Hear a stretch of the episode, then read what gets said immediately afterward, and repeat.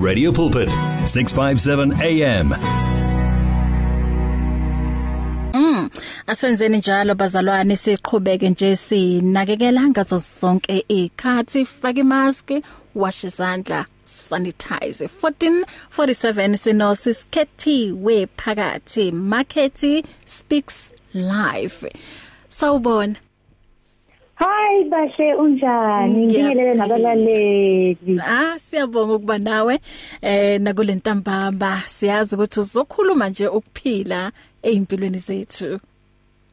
Hayi vele kunjani umsebenzi uNkulunkulu angilethele emhlabeni. Just ukukhuluma impilo nje empilweni zabantu. Amen. Usiphathileni kule ntambama. Namhlanje bahle I figured that it's the third week of a second month of the year and abantu are looking for ways and means to fulfill inhloso yakaNkulunkulu ngempilo zabo. Abanye bayazibuza ukuthi kungani ngisaphila uyabona? Abanye basizakele badlulile 2020 kimsasenzima angazi ukuthi uNkulunkulu ungiletheleni la kahle hle.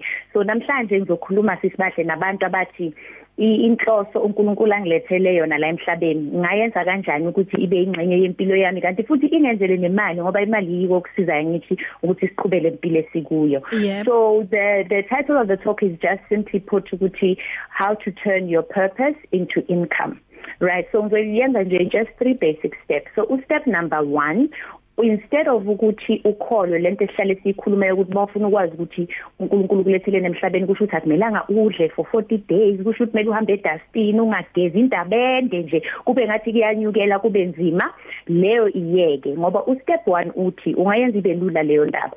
Ubheka nje izinto wena ozithokozelayo ukuzenza nezinto nezinto o o good ekuzenzeni. Uyabona? Those two things into enjoy nento good kuyo because lapho kulapho feel comfortable khona. Akho umuntu okuphoqelelayo ukuthi uyenze. Manje ke sisibahle esikhathini esiningi mangibuza abantu ukuthi yini wena ozwela into ozuma uyenza yini ozwa ukuthi ugood ekuyenzeni? Abantu bahlale bakhuluma ngezinto zasemsebenzini. Uyabona umuntu akhulume ngokuthi ngumzali akhulume ngokuthi thina bantu silindeni kuyena. Kodwa kule step 1 balaleli angisho ukuthi ubheke lezo zinto lezi. Ngisho wena nje njengomuntu uma usendlini nje yini ezalula ku mhlambe kuwe ukulalela. Uyabona umuntu ophiwe ukulalela kuwe kuza kalula. Mhlambe wena ujabulela ukupheka mhlambe ujabulela ukwenza ingadi mhlambe kuza kalula ukungxazulula inkinga zabantu. Buka nje wena as a person ngoba lapho kulapho ukuthi mase wenza khona kungabi nzima at all.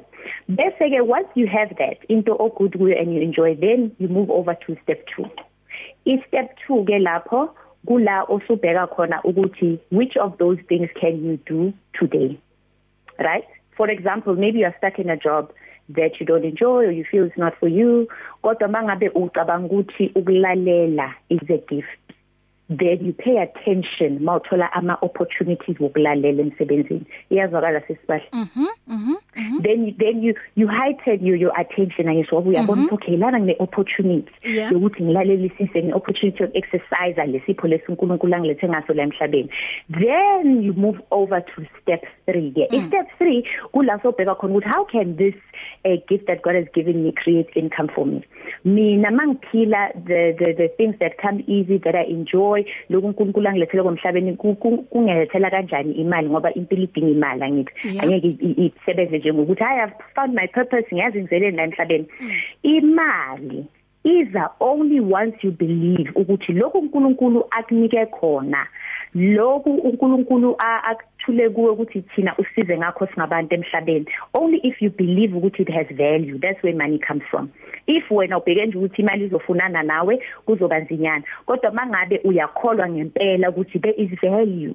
Kusho ukuthini uDavid? Kusho ukuthi uyakholwa ukuthi singabantu la eSouth Africa. Silindile lento iphethe. Sikulindile ukuthi mhlambe isiphiwo sakho ukuthi uvule umlomo unxazulula inkinga zethu size kuma company or as individuals. Mhlambe isiphiwo sakho ukuthi usilalele when we have concerns so you know how to direct us. Silindile lento leyo so then the last step that you take is to make us aware. Mm. make us aware manje ke my space as a conference coach nebahle I deal with people on a daily basis yeah. abayisabayo lento le okuthiwa i self promotion mm -hmm. ngoba mm -hmm. bay confuse no nokuyiqhenya ba confuse i confidence ne arrogance ne mm -hmm. into esovala ngayo leyo kuvikile fokukhulu labantu mm -hmm. so kuba zima mase ngithi kumuntu close final step nge self promotion ukuthi sazi ngoba akukona ukuziqhenya sisibahle uthi kithi. Eh bantu base South Africa mina ngumsakazi waku radio ngikhuluma for 3 hours every day and ngisebenzeka kahle. Akukona ukuyiqhenya lokho ubeka into okuyiyona ngempela oyenzayo nekhono lokuyenza. Uyabona? So thina sesifundise ukuthi ungayikhulumi into okhona ukuyenza kusho ukuthi uyaziqhenya nanani into into esibulalayo yasicindezela sizokwazi ngani bahle ukuthi silindele ini ku sizokwazi ngani ukuthi uzelene emhlabeni uma ungasitsheli kumele ukhuleke ukwazi ukusitshela. Then ke from there i self promotions zokusiza khona. Sengiyazi ukuthi okay manje umuntu ongilalelayo umthinta nanya. Uyabona?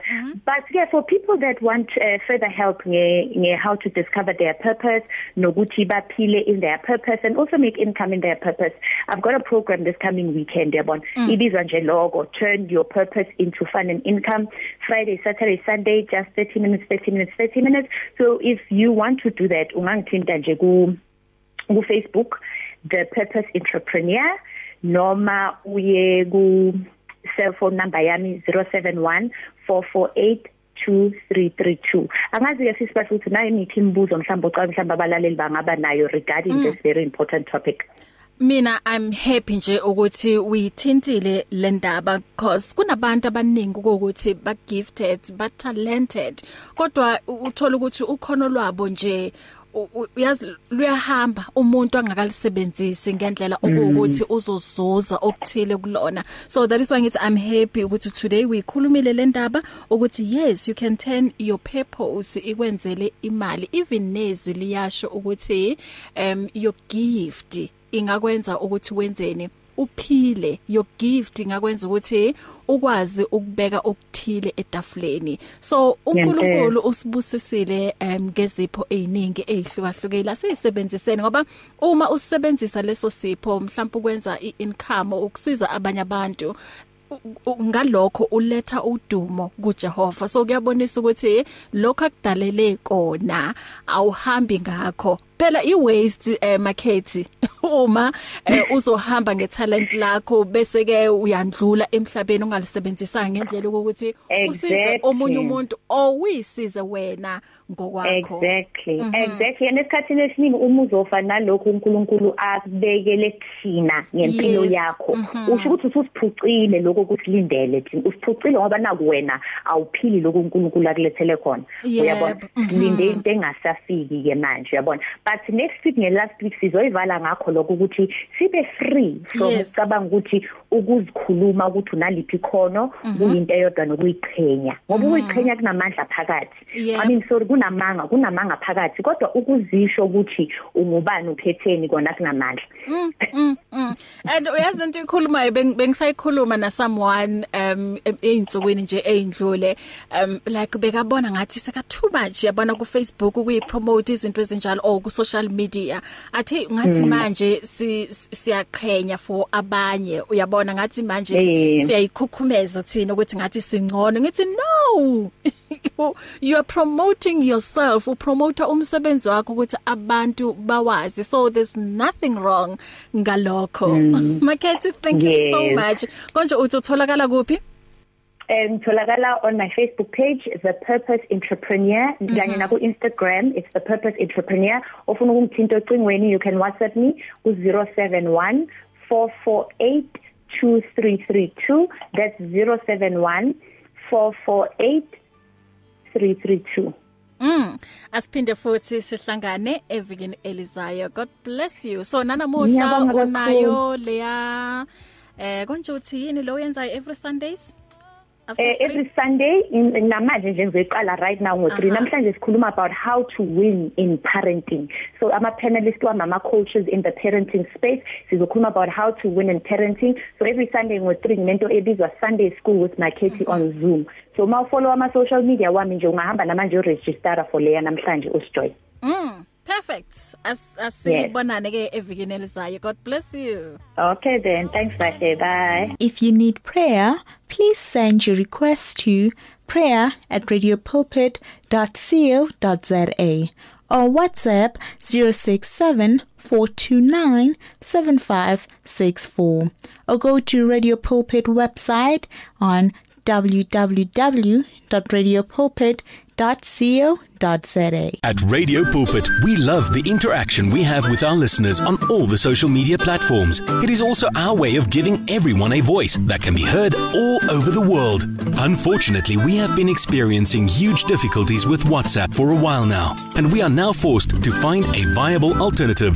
That alternative is called Telegram. Telegram is an app that works exactly the same as WhatsApp, and it uses the same telephone number as well. All you need to do to be able to chat with your favorite presenter is to download the Telegram app onto your phone and send your message or voice note the same way you always did. We will then be able to receive and answer your message faster, and the privacy on this app is much better too. So, whether you have an iPhone or an Android, the app pic is a white paper plane in a blue circle. Please download the Telegram app right away and make life easier for everyone.